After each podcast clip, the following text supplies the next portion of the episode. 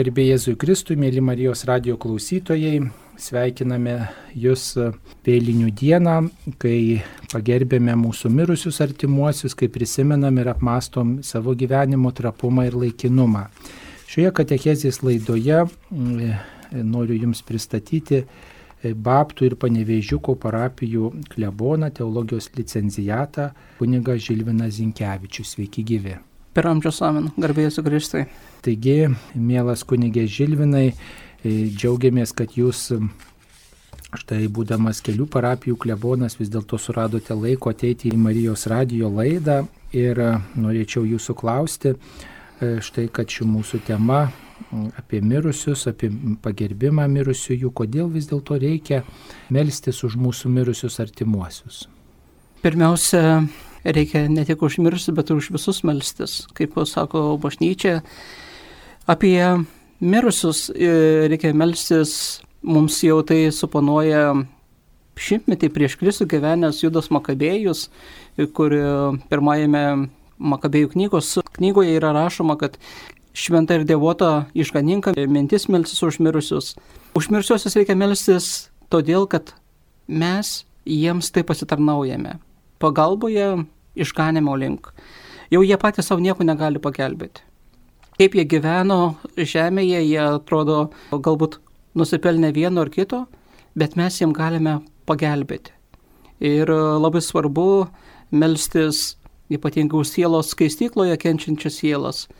Mūsų parapijoje tikrai ne vienas žmogus ateina, sako, kunigė, ar galime melstis už sielos skaistykloje? Sakau, reikia melstis. Nes mes nežinome, kur vienas ar kitas žmogus, kokia jam pagalba reikalinga. Galbūt kaip tik va, tas tavo artimasis, ar tavo giminaitis, ar kaimynas, ar vėl kažkoks žmogus, jam kaip tik tavo tos maldos, savo užtarimo ir reikia, užtarimo Dievui, kad Dievas jam palengvintų tas kančias ir galbūt tikrai pasiektų tą dangaus laimę, tą šventųjų būrį, šventųjų džiaugsmą. Taip, O kaip dažnai turėtume melstis už tuos, kurie gyveno pirmą mūsų. Mm, turbūt yra skirtingų nuomonių, kaip jūs štai dirbdamas keliose parapijose, kokią praktiką turite ir kaip rekomenduotumėte, jeigu žmonės klausia, ar čia metinių progą, ar dar kažkokiam kitom progom, vėlinių štai dieną, ar apie šį laiką, vėlinių aštuondienį, ar dar kokia kita praktika galima. Pagrinde visiems yra priimta tos žinomos, kad laidotųjų dieną melčiuosi. Taip pat yra tradicija dar 7 arba 9 dieną po mirties melstis, 30 dieną po mirties ketvirtynose ar metinėse. Bet tikrai nemažai atsiranda tokių, kurie visus metus po artimo žmogaus mirties melžiasi, užsako mišes kiekvieną mėnesį, būtent tą pačią dieną, kad e, mes norim tą žmogų pavesti Dievo galestingumui, už jį melstis, gal jam tai pagelbėti tikrai raginčiau melstis ne tik per vėlinės, ne tik per visus šventus, ne tik per tėvo ar mamos dienas, bet nuolat prisiminti savo mirusiuosius, savo kasdieninėse maldose. Aišku, reikia ne tik už mirusius, bet ir už gyvuosius melstis, nes pasižiūrėjus, už ką daugiausiai žmonės susako šventasias mišes, tai pamatai, kad už mirusius, už mirusius. Ir buvo toks vienas atvejis čia prieš mamų dieną, buvo tos sudėtinės mišios už gyvas, užmirusias mamas. Viena atėjo parapietė tik užmirusias mamas melčiasi, o sakau, už jumis nereikia. Ai, sakau, kunigėlį gal nereikia. Sakau, nu kaip tai, o kas už jūs pasimels?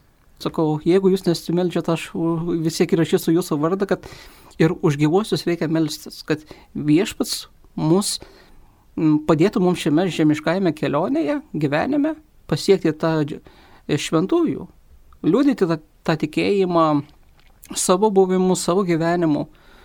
Tai reikia ne tik užmirusius, bet ir už gyvuosius melstis. O kaip sakau, pagrindė, taip, žmonės melžiasi daugiausiai užmirusius.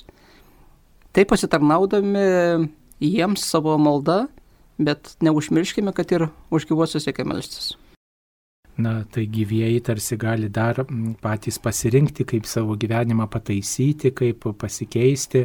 Tas mūsų palaikymas yra svarbus, bet mirusieji jau keistis tarsi nebegali.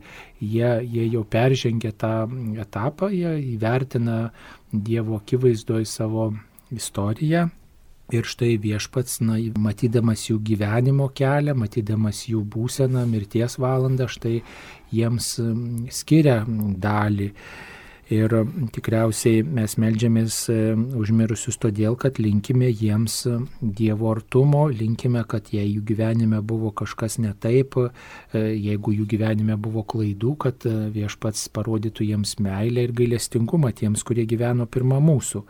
Tačiau jeigu žmogus yra miręs jau labai seniai, Ar vis dėlto dar reikia melstis už jį? Štai žinom, kad mirė mūsų ne tik tai gal ten tėvas ar, ar ten šeimos narys koksai, gal kažkieno mama mirusi, broliai, seserys, bet ir seneliai ir proseneliai. Ir mes dabar žinom, kurie ir palaidoti, papasakoja, aplankom jų kapus, ten įprasta puošti, ypač per vėlinės tuos kapus.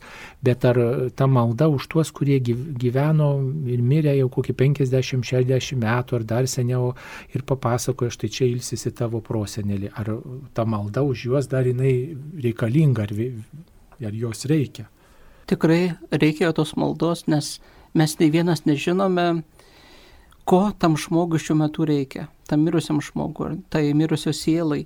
Galbūt jį tikrai reikalauja Dievo gailestingumo, kad Dievas pagelbėtų ir mūsų maldų užtarimo tai mirusiam žmogui, vienam ar kitam, kuris gyveno, kad ir prieš šimtą ar tūkstantį metų galbūt gyveno nu, mes nežinom, kur jis dabar yra. Kaip aišku, nueisim į dangų ir pamatysime galbūt to, ko galbūt nesame matę, ko nesitikėjom. Galbūt tikėjomės visai kitus žmonės pamatyti, o pamatysim visai kitus.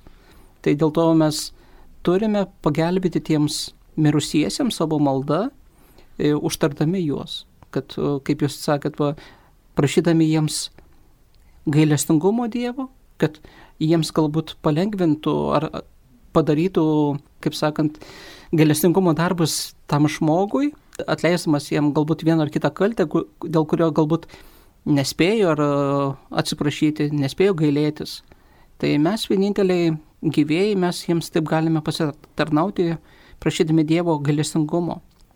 Bet to tai yra būdas turbūt parodyti meilę tiems mūsų artimiesiems, Taip. kurie gyveno pirmą mūsų, mes jų galbūt nepažinojom, bet melzdamiesi už juos mes jiems parodo meilę, dėkingumą, mes tiesiog remiamės į Dievą, kuris yra absoliuti meilė, tam, kad galėtume e, ir patys tos meilės pasisemti ir kartu toj meiliai, Dievo meiliai, Dievo artume sutikti, išgyventi tokį santyki su tais, kurie gyveno pirmą mūsų. O štai kalbant apie maldą, kokia ta malda pati vertingiausia, pati tinkamiausia už mūsų mirusius artimuosius, kaip galėtume priminti mėlyjams klausytojams. Tai turbūt nesuklysiu pasakydamas, kad pati vertingiausia yra šventųjų mišių auka, ta malda už tos už savo brangius mirusiuosius, bet taip pat galime ir savo kasdieniai maldoj ryte ir vakare, kaip melčiamės, prisiminti už tuos žmonės, kurie savo artimuosius, kurie iškeliavo ir sukalbėdami, kad ir vieną potyrį, tai tėvė mūsų sveika Marija, garbė Dievų tėvų ir amžinatelis už tos mirusiuosius, kad tikrai mes taip galėtume parodyti, įvykdyti tuos gailestingumo darbus sielai, gailestingumo darbus kūnui ir taip, bent kaip sakau, bent kryželį, bent kažkokį užsidėti tu kažką galėjai padaryti dėl kito žmogaus. Tu kažką galėjai pasitarnauti. Galbūt tu gyvam būnant, galbūt nespėjai kažko pasakyti, galbūt nespėjai kažką padaryti. Tai mes dabar taip galime padėti tiems žmonėms, užtartami juos savo maldą, nu, kaip sakau, pagrindinė, ta svarbiausia galbūt malda yra šventųjų mišių auka, kai melžiasi visa bendruomenė už vieną ar kitą žmogų, už bendruomenės narį ir taip už vieni kitus palaikydami, vieni kitus užtardami. Paprastai šventos mišios aukojamos užmirusius ir jūsų praktikoje minint įvairius vardus. Yra vienos mišios tokios už vieną žmogų arba vienos šeimos intencija užmirusiuosius, o taip pat yra tokios mišios, kurios vadinamos sudėtinėmis, kai įvairių aukotojų ir jų artimųjų vardai minimi taip pat per vėlinių dieną ir vėlinių aštuondienį, tai įprasta, kai bažnyčiose melžiamasi už visus mirusius, už įvairių laikų mirusius žmonės.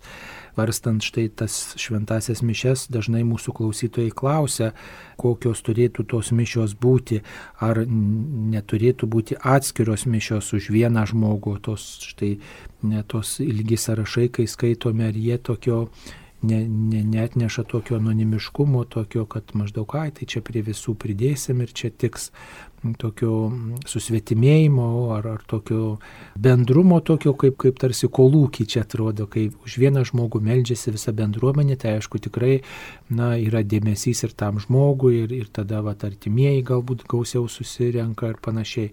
Koks čia skirtumas būtų tarp tų atskirų mišių ir sudėtinių bendrų tokių, kaip dar vadina?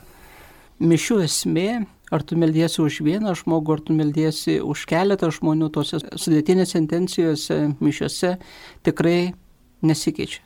Mišios e, tokia pati prasme. Taip žmonės nori, kad ten ypatingai pirmas menų po mirties metinės ar laidotuvės, e, kad būtų atskiros. Mišios, kad va, vieni ar kiti šeimos nariai ateitų, su, kartu pasimelstų. Bet kai kur tai galbūt nėra įmanoma. Galbūt mažesnėse parapijose tai yra įmanoma, bet miestuose, didesnėse parapijose, kur daug daugiau žmonių, kur daug daugiau ateina žmonės susisakyti šventųjų mišių, tai yra neįmanoma. Ir tikrai e, tada nežinau, kiek reikėtų kunigų arba visą dieną auko šventasias mišes, jeigu melsis už tik po vieną intenciją, už tą vieną ar kitą žmogų. Tai tikrai galvoju ir drąsinu Marijos radio klausytus visus, kad nekreipti galbūt dėmesio į tai, kad va, bus daugiau vardų pasakyta. Mišių esmė, prasmė yra ta pati. Ir dar kaip tik galbūt reikia džiaugtis, kad va, kitas atėjęs žmogus melsis ne tik už savo mirusius brangius, bet ir prisimins ir tavo brangius mirusius, už kurios aukojimas šventusios mišios.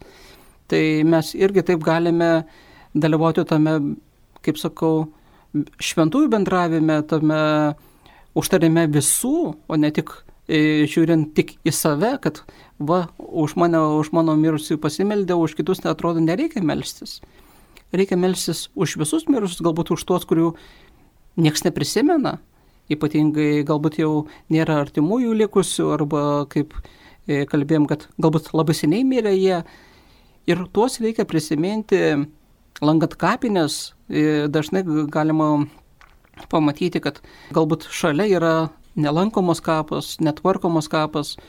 Tai kodėlgi nereikėtų, negalima paimti ir sutvarkyti ir uždegti tą vieną kitą žvakelę ir už tą žmogų pasimelsti, kuris irgi gyveno kažkada, irgi galbūt darė gerus darbus, galbūt jam taip pat reikia pagalbos, mūsų pagalbos gyvųjų, užtariant tą mirusį į Dievo gailestingumui.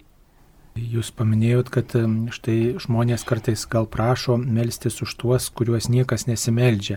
Kai kurie kunigai tokią formuluotę smarkiai kritikuoja, sako, nėra tokių, kuriuos niekas nesimelstų, nes bažnyčia kiekvienose mišiuose, nesvarbu kokią intenciją jos aukojamos, meldžiasi užmirusius, ar ten būtų iškilmingos mišios, ar Velykų mišios, ar, ar Kristaus gimimo iškilmės mišios, ar net jungtuvių mišios, vis tiek yra mišiuose tam tikra mišių dalis, kurioje prisimenami iškeliavę žmonės mirusieji, nes bažnyčia palydi visus malda ir šventų mišių auka visus apgaubė.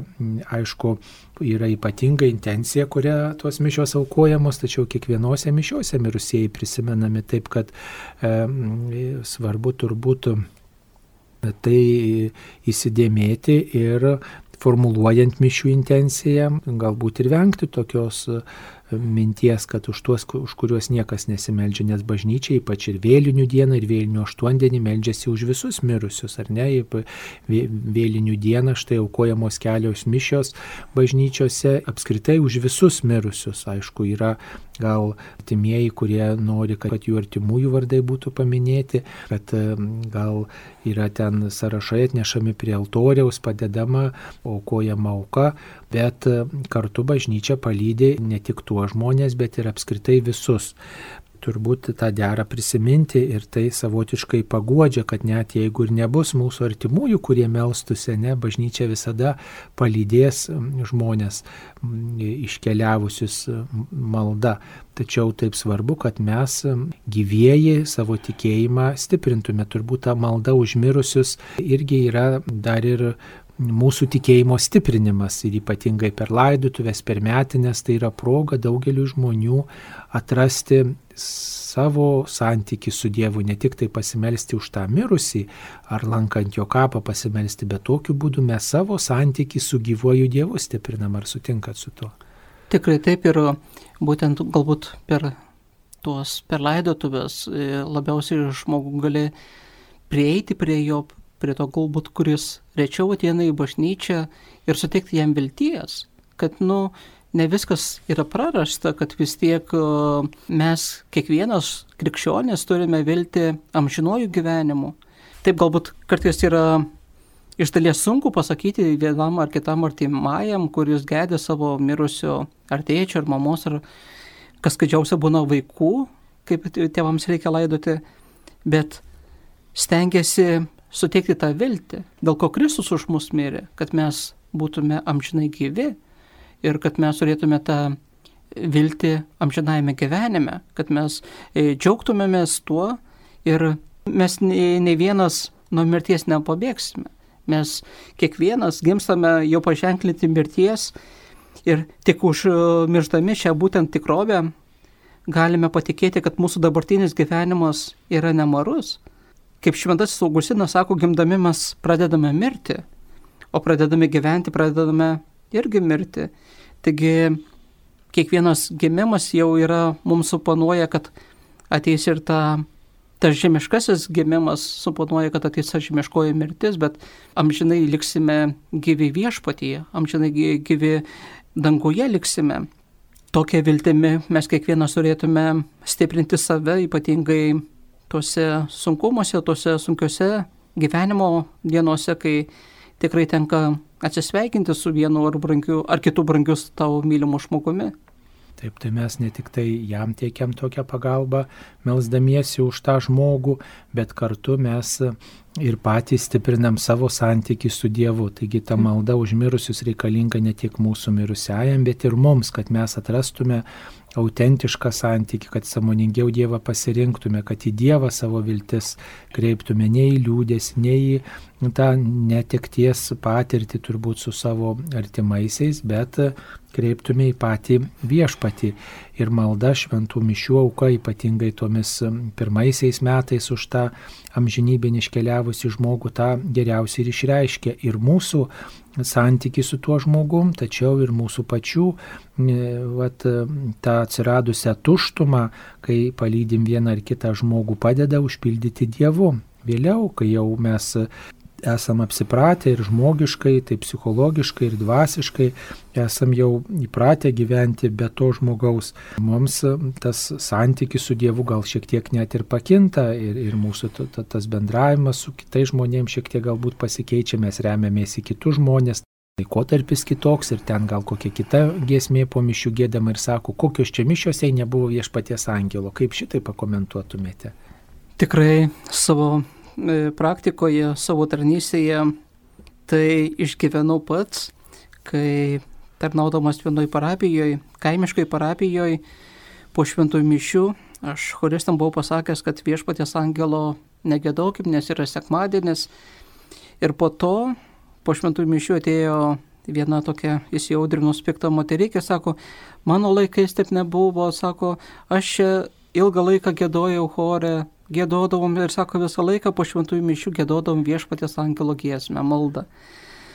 Taip atrodo, ta malda sekmanis galbūt ir netinkama, bet e, kaip pradėjai suprasti tos vietos tradicijas, kad dažniausiai tai yra aptarnaujama parapija, kur mišios tik sekmadieniais vyksta dažniausiai arba kai žmonės nori tik atskirų šventųjų mišių, tai tada supranti, kad uh, jiems ta viešpaties angelo malda yra svarbi ir tenka kartais, atrodo, galbūt bažnytiniam nuosėdom nusižengti, bet jeigu būtent ar ketvirtydos, ar metinės, tai jau pasakau, kad, nu, šį kartą gėdokime viešpatės angelą, kad būtų, kaip sakant, yra visoti ir visi būtų laimingi. Tiesiog, kad nereikia kelti galbūt to per didelio tokio susireikšpinimo ar kunigo ar vėl kažką. Taip, kitose parapijose, kur kiekvieną dieną vyksta mišius ar ne, tai jau ten tikrai galbūt sekmanės, galbūt nu, nereikėtų viešpatės angelų maldos gėdoti. Nežinau, dėl ko ta viešpatės angelo malda Lietuvos asocijuosis tik su mirusiaisiais. Pats popiežius Pranciškus kiekvieną sekmadienį po šventųjų mišių, po katekėcijos 12 val. kalba viešpatės angelo maldą.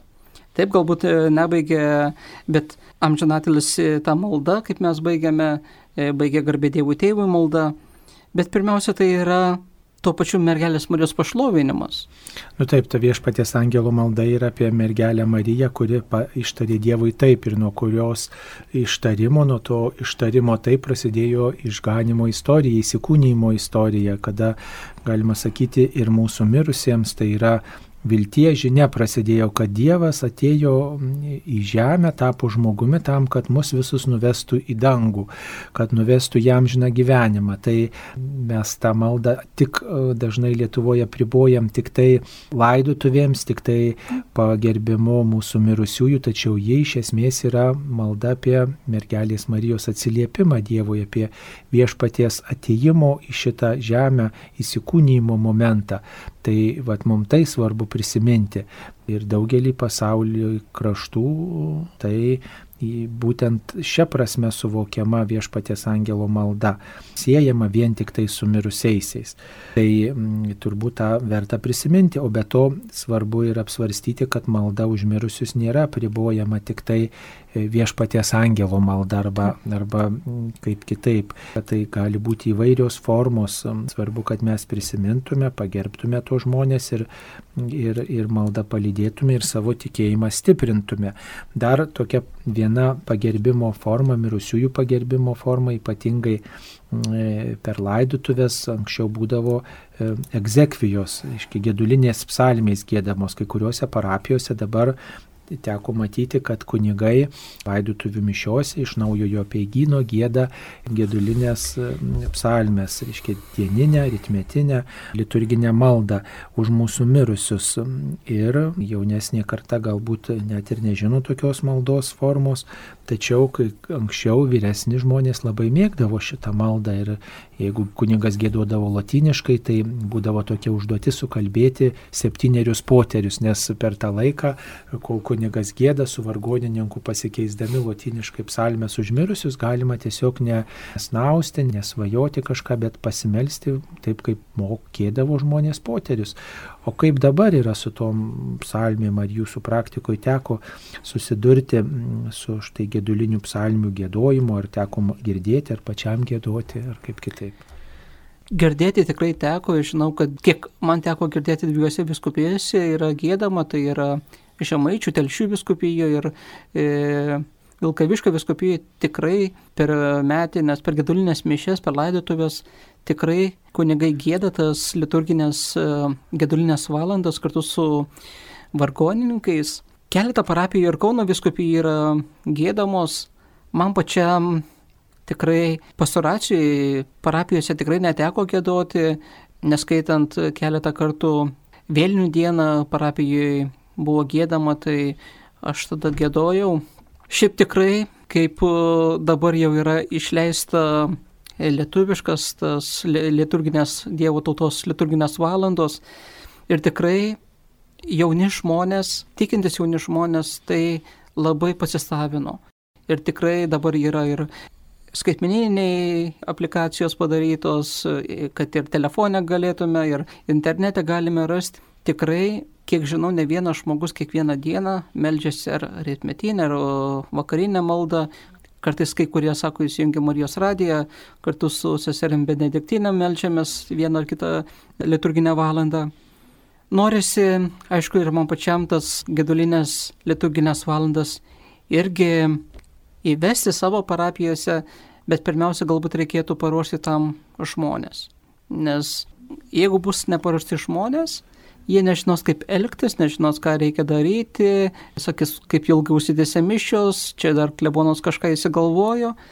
pirmiausia reikia šviesti žmonės, kad tai yra Dievo tautos, visi žmonės melčiamės tą maldą. Ne tik kunigai, ne tik vienuoliai tą maldą melčiasi, bet visi žmonės esame, visi tikintieji esame kviečiami va tas maldas kalbėti.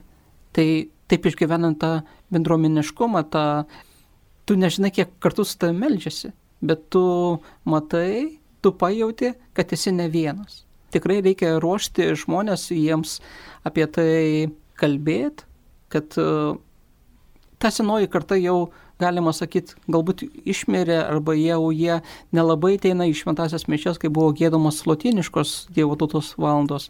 Dabar reikia naujai šviesti šiuo laikinius, naujos kartos žmonės, kad jie tikrai suprastų, kas vyksta ir kad tai yra prasminga, kad tai yra bendruomenės malda už mirusįjį. Ir be to tai yra pats Dievo žodis, tos psalmės, tai yra pats Dievo žodis, kuris skaitomas liturgijoje, kuris gėdamas ir kad tomis psalmėmis meldėsi ir Jėzus, ir daugybė kitų šventų žmonių, kurie gyveno pirmą mūsų ir kad tai na, išreiškia įvairias žmonijos patirtis, išreiškia ir atgailą, ir džiaugsmą, ir kaltę, ir priekaištą, ir mūsų kovas išreiškia, ir kartais perkeltinė prasme tie, tie žodžiai apibūdina įvairias žmogaus situacijas. Tai labai turtingi tekstai, Tik tai žmonės kartais per daug tiesmukiškai juos priima ir sako, ką čia kokias kunigas nesąmonės gėda, čia taip nėra, čia kokios pasakos, ką iš čia šneka. Tai taip. mes kartais labai tiesmukiškai turbūt žiūrime į liturginius tekstus ir į psalmes, kurias girdime gėdant net ir per laidutuvės ar per mirusiųjų paminėjimus. Dar toks klausimas būtų apie tuos gedulinių mišių tekstus. Kartais kunigas meldžiasi už tikinčių žmonės ir mini jų vardus. Ir visai suprantama, jeigu žmogus buvo pakrikštytas, žmogus tikėjo, pasitikėjo Dievu, tačiau kartais į tuos tekstus įdedamas vardas tų žmonių, kurie visiškai netikėjo, bejojo, ar taip išmintinga, kunigas aišku to nežino, gal tos situacijos dažnai žmogaus, bet artimieji kartais, vat, manydami, kad tokiu būdu gal vat, išpeš iš Dievo tą gailestingumą, jeigu tas pats žmogus, jisai, na, buvo toli nuo Dievo, o melstis už jį kaip užtikinti, melstis už jį, kuris pasitikėjo tavim, gal truputį toks išeina, na, nepagerbimas to žmogaus laikysenos, kokią ją mes matėm, kaip manote aš manau, tikrai reikia melsis ir už tokius žmonės, nes pirmiausia, mes nežinome, kokia buvo to žmogaus paskutinė atsisveikinimo akimirka. Galbūt žmogus prieš pat atsisveikinant, jaučiant, kad jau iškeliauja pas viešpatį, iškeliauja iš šio žemiškojo gyvenimo, gailėjosi. Galbūt jis apgalėjo savo ar mintise, ar širdį savo tuos netobulus gyvenimo padarytus veiksmus, darbus ir dėl to gailėjosi. Mes nesame teisėjai. Palikime galbūt tikrai Dievo gailestingumui, kad Dievas paskutinio teismo metu parodys, kas yra kas. Ir kaip jau prieš tai buvau užsiminęs, galbūt mes galvojame, nuėję į dangų pamatysime tų, kurių nesitikėjome, galbūt nepamatysime tų, kurie kiekvieną sekmanį ėjo bažnyčią gal ir atrodo meldėsi viską, bet galbūt jie savo Tik tai išorė tokia buvo. Galbūt viduje jie buvo, e, nerodė nei gailestingumo darbų, nei meilės darbų, galbūt buvo pikti ar kažką kitus juodino ir panašiai. O būtent vat, tie žmonės, kurie galbūt paskutinę sekundę akimirką atsivertė, galėjosi dėl savo gyvenime padarytų kažkokiu netobulų darbų, jie kaip tik galbūt džiaugiasi dabar Dievo akivaizdoje. Tai tikrai reikia už visus žmonės melstis nerušiuojant geras, negeras, tinkamas, netinkamas. Visi ir esam pirmiausia mylimi Dievo vaikai ir sukurti Dievo vaikai, sukurti gėriui. Ir e, Dievas kiekvieną mus sukūrė iš meilės. Mes kiekvienas esame mylimi ir tikrai Dievas broko nekūrė. Mes esame tobuliausi Dievo kūriniai. Taip, Dievas suteikia žmogui laisvę valią. Ta laisvę valią, kurią jis žmogus galėtų pasirinkti, kaip jam gyventi ir panašiai. Bet sakau, dėl to, ar verta ar neverta melsis už tuos, kurie galbūt buvo netikintis arba kažkur kažką kalbėjo, reikia melstis. Na, jūs nekartą aukojate gedulinės mišes ir vaidotuvių šventasias mišes. Kokia jūsų patirtis, ar žmonės tuo metu yra atviresni, ar jie klauso įdėmiau tą, ką sako, ar jaučia tą nuotaiką, galbūt ne, artimieji gal kartais negirdi tų tekstų prasmės, bet jie jaučia kunigo nusiteikimą, kunigo dėmesį, kunigo tokį gerumą, mato skiriamą laiką ir jiems tai yra didelė pagoda, jie tada gal na, vėliau atsiveria tikėjimui, matydami, kad kunigas neskubėjo, kad kunigas buvo jautrus. Ką galėtumėt pasakyti iš tokios laidotuvių arba gedulinių mišių pastoracijos? Taip iš tokios praktikos, kaip jau minėjau prieš tai, kad per laidotuvės tu gali žmogų tada, tu matai jį silpną, tu matai jį pasimetusi ir jam būtent tada reikia įkvėpti tos vilties tame gyvenime, kad ne viskas prarasta. Ne vieną kartą po, atrodo, po šventųjų mišių, kaip žmogų palaidojam, ateina, sako, ačiū kunigė už jūsų žodžius, ačiū už pamokslą, galbūt vieną ar kitą kažkas įstrigo vienam ar kitam žmogui. Aišku, dažniausiai, kaip dabar tuose parapijose, kur dabar esu, tai dažniausiai ateina visi žmonės, tie, kurie dalyvauja mišios laidotuvėse į šventasias mišes, nes dažniausiai būna arba su įnešimu karsto į bažnyčią, arba prieš išnešant yra kviečiami į šventasias mišes ir po to palidėti mirusiai kapinės taip tu tą žmogų gali sutikti ir jį priimti. Aišku, galbūt e, ne visi moka dalyvauti šventosiuose mišiuose. Reikia su meilė jiems pasakyti, va dabar atsisėskite, dabar atsistokite, dabar atsiklaupkite. Juos su meilė, su rūpešiu turi pamokyti. Kartais būna taip, kad atrodo tikinti žmogus vos ne kiekvieną sekmanį lankantis bažnyčią, ateina laidotuvės Nėra tų žmonių, kurie nuolat sekmanės būna ir kartais pasimeta, jie net nežino, kada atsiklaupti, kada atsistoti, kada atsisėsti. Nes galbūt sekmanės tai kaip visi daro, taip ir tie. Ir, ir tada atsistoja arba atsisėda. Kartais būna va tokių pasimetusių. Aišku, man tikrai nėra sunku patarti žmonėm pasakyti, su meilė pasakyti, ar ne, tu supranti tą žmogų, galbūt jis tikrai retai ateina į tą bažnyčią, galbūt jam tikrai ar laiko nėra, ar vėl kažko, galbūt ieškantis dar to tikėjimo. Ir jam tikrai va, tas kunigo toks parodomas dėmesys, ne, pasakymas, ką, kaip reikia daryti, aš manau, tai yra galbūt pirmasis ėjimas link žmogaus, jam padedant, parodant, kad tu esi svarbus, kad tu nepradingsi bažnyčioje, nežinodamas, ką reikia atsakyti, vėl kažką. Tau kunigas padės. Tu esi ne vienas. Tai sakau, tikrai kartais pasijaučia ypatingai vatose, ar kai būna atskiros šventosios mišios, kaip vienos šeimos nariai susitinka ir susirenka.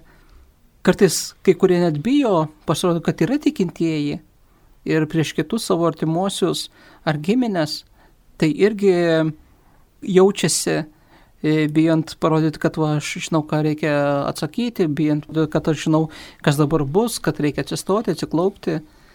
Tai kiekvienam žmogui, sakyčiau, reikia tokio to stipraus tikėjimo liudijimo, kad mes tikrai nebijotume būti tokie, kokie esame, be kaukių ir, nu, liudyti savo tikėjimą. Galbūt viešpas mus atvedė tą tinkamą vietą, tinkamą metą davė, kad aš tai paliūdyčiau arba tie kiti tie susirinkę žmonės paliūdytų savo tikėjimą, kad, kad jie žino, kaip elgtis, žino, kaip dalyvauti šventosios mišiuose. Nu, kai nežino irgi, tiesiog gal nereikia gėdytis to nežinojimo žmonėms, o o tiesiog gal žiūrėti į tuos, kur žino, jei nežinai, tai kad ten ir pasėdėsi, ar, ar ne vietoje atsistosi, ar ką, turbūt Dievas mato tavo širdį ir mato tavo nusiteikimą, tavo norą suprasti, turbūt tuo nereikėtų žmogui apsiriboti laidotuvėmis, štai aš nežinau, nu ir, ir, ir gerai, ir, ir valiau, bet turbūt domėtis ir jeigu vis tiek e, išgyvenau kažką tose mišiuose ir jeigu supratau, kad Dievas yra kažkaip tą auginti tikėjimą, tą maldą gilintis, domėtis, o kodėl tos mišios, o kodėl čia stoja kelią, klaupia, ką tai reiškia ir galbūt išdrysti paklausti ar kito žmogaus, kur tiki, ar, ar, ar paties kunigo. Ar paties kunigo, vat, kad mes tą tikėjimą augintume žmonės, taip patys jaustume atsakomybę už tą, už tą tikėjimo dovaną, kuri galbūt mumyse nėra tokia didelė, kaip norėtųsi, arba kaip mūsų artimieji ar amžinybė iškeliavę norėtų. Mes turbūt per šitas dienas, per vėlinės ir kitas mirusiųjų pagerbimo dienas labiausiai išreiškiam savo santyki su mirusiais ne tiek per maldą, kiek degindami žvakes kapinėse. Ką apie tai galėtumėt pasakyti? Taip, kartais tikrai žmonės, kai pamatai, kiek kapinėse būna žmonių susirinkę, kiek ant kiekvieno kapo pristatyta, nežinau, po 10 ar 15 tų žvakučių. Ir kartais žmonės supranta, kad tie, tos kapinės vos nepaverstos darželiais, gėlių prikrauta, vos ne, nėra kur padėti kitų gėlių kitiem. Ir kartais žmonės galbūt taip supranta, kad kuo daugiau užteks iš vakučių, kuo daugiau papuoši gėlių, tai atrodo tuo daugiau tą žmogų myli arba mylėjai. Bet pirmiausia, ne tai yra esmė. Pirmiausia, esmė, taip, galbūt va tą sutvarkyti kapą, taip, e, tos lapus sugrėpti, jeigu bus, ar vėl kažką, vieną kitą gilytę, bet ir žvakę atnešti. Nereikia daug žvakės, užtenka vienos žvakės, bet prieš tai būtų, e, būtų gerai, kad tą žvakę mes pašventintume, kad kunigas pašventintų, nes ta žvakė pirmiausia simbolizuoja Kristaus prisikelimo šventę. Ir kaip per Velykas, didįjį šeštadienį vakare, yra uždegama ta Velykinė žvakė ir kunigas užgėda Kristus mums šviečia, kad mirtis nugalėta, kad tikrai mirtis neduoda paskutinį žodį, o paskutinį žodį teikia gyvenimas, Kristus. Labai graži yra žvakių pašventinimo malda, kur sakoma viešpatė Jėzau Kristau, Dievo Sūnau, mes melčiame tave palaiminti šias žvakes, kurias žmonėms davėjai tamsiai pašalinti, švento kryžiaus galę suteikti jom dangaus palaiminimą ir kryžiumi paženklintos, kur tik bus užtektos ar laikomos, tegu turės galios išvaikyti visas tamsybių dvasias, kad jos nebedrįstų trukdyti, nevarginti žmonių nuo širdžiai tarnaujančių tau. Visa galės Dieve, kuris gyveni ir viešpatauji per amžius. Tai tikrai kai kuriuose parapijose jau yra tai vykdoma, kad kunigai ragina žmonės prieš visus šventus ar ateinant į šventasias mišis atsinešti iš Maksimo ar iš kur pirktas žvakes. Tuos liktorėlius. Liktorėlius, taip. Stikliniuose indeliuose pripilta parafino. Stikliniuose panašiai. Ir kunigas juos pašventina, kad tikrai simbolizuotų tą vienybę su Kristumi. Kad, nu, mirtis nugalėta. Ir tikrai nereikia ten iš kapo daryti, nežinau, ten kažkokio kažinkiek tu prikrauti tų žvakių ar tų gėlių. Užtenka vienos žvakės, kuris simbolizuoja Kristų. Mūsų viltį, mūsų šviesą, mūsų gyvenimą. Liaudės tradicijoje yra tas paprotys degti dvi, keturias žvakės, nu vieną uždega, bet dažnai va tą lyginį skaičių dega. Mirusiajam tarsi reikia poros, reikia kažko, kas dar jį palydėtų. Toks liaudės paprotys yra, ką apie tai manote? Tai čia taip, liaudinės tradicija, bet uh, pamažu ta liaudiška tradicija keičiasi, nes anksčiau irgi buvo galvojama, kad va, porinės skaičius tik tai laidotuvėms tinka, gėlių pavyzdžiui. Dabar ne vieną kartą tenka matyti, kad žmonės atneša po vieną, pavyzdžiui, rožės arba chrizantemos e, žiedą.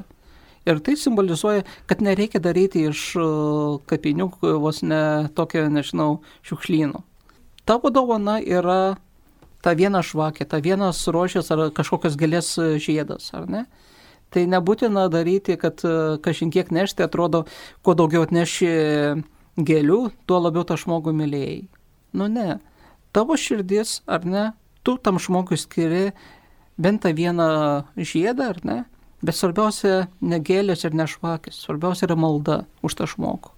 Dar toks paprotys būdavo vėlinių proga ne tik tai pasimelsti, ne tik tai mišiuose dalyvauti, ne tik tai į kapinę sužeiti, žvakutę uždegti, kapą sutvarkyti, bet taip pat ir padėti vargšams, jeigu mes pažįstam kažkokių vargšų, elgetų, E, žmonių vienišų, stokojančių kažkuo tai mirusiųjų atminimui, juos kažkuo sušelbti, tam, kad jie melstusi arba kad būtų padarytas geras darbas mirusiųjų atminimu, arba žmogus tiesiog skiria tą vat, išmaldą duodamas ar ten padėdamas kažkokiu būdu, na, tokiu būdu, su tokia intencija įamžinti mirusiųjų atminimą, pagerbti mirusius. Aš tai prisimenu mirusius ir padedu tiems, kurie tikrai yra ant tokio vargos lenkščio, kaip sakant, mirtis jiems jiems galbūt ar kokią negandą žiūri į akis, kad jie sulauktų tokios pagalbos.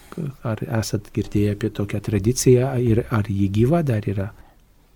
Tikrai negirdėjau tokios tradicijos, bet uh, esu matęs, kaip, nu, net vieno kapo, pavyzdžiui, žmonės palieka maistą. Ilgą laiką galvojau, kokia čia tradicija. Ir kartą paklausiau mačiutės, sakau, mačiutė, kam čia žmonės neša to, tą maistą, lėkštutėse palieka ten, nežinau, ar dešos, ar vėl kažko.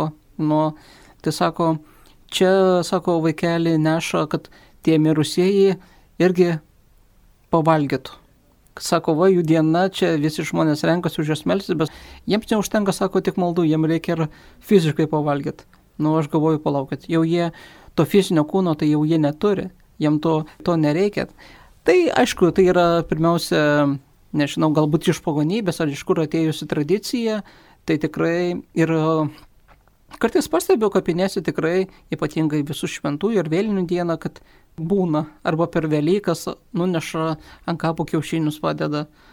Truputį reikėtų žmonėm irgi galvoti, ką jie daro, dėl ko taip daro nu, ar tikrai verta nešti tą maistą, galbūt tikrai, va kaip jūs sakot, va ta tradicija kažkur gyvojanti, kad va tiems vargšams tą maistą paduoti, už tai, kad jie už tą žmogų pasimelstų, už tos mirusius pasimelstų, už tą tavo meilės parodymą tam vargšui, tam žmogui, kuris galbūt yra stokojantis, jam tikrai daug labiau pasitarnaus tas maisto gabalėlis negu tam mirusiajam, kuriam tikrai ant kapo, na, nu, aš nemanau, kad jam jau kažkuo fizinį tą kūną, kurio jau galbūt jau yra sunykęs, vėl kažko jam pastiprins jį.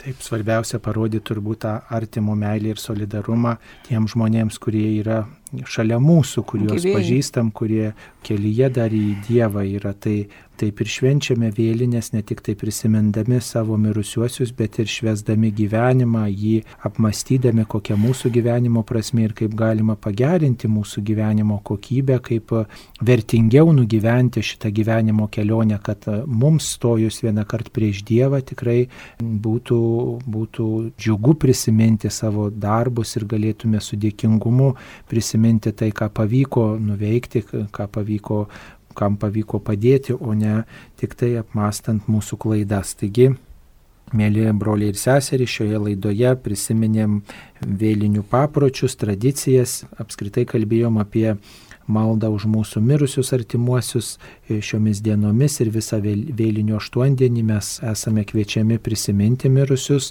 ne tik savo mirusius artimuosius, bet apskritai melstis už visus mirusius, aplankyti kapines ir bažnyčia už tai skiria visuotinius atlaidus įprastomis e, sąlygomis. Taigi prisiminkime tuos, kurie gyveno pirmą mūsų ir nepamirškime pasirūpinti tais, kurie yra šalia ir patys atlikim išpažinti, susitaikykim su Dievu ir gyvai dalyvaukime šventose mišiuose tam, kad galėtume vienyti su Kristumi ir švesti prisikėlimą visiems vilties ir daug šviesos.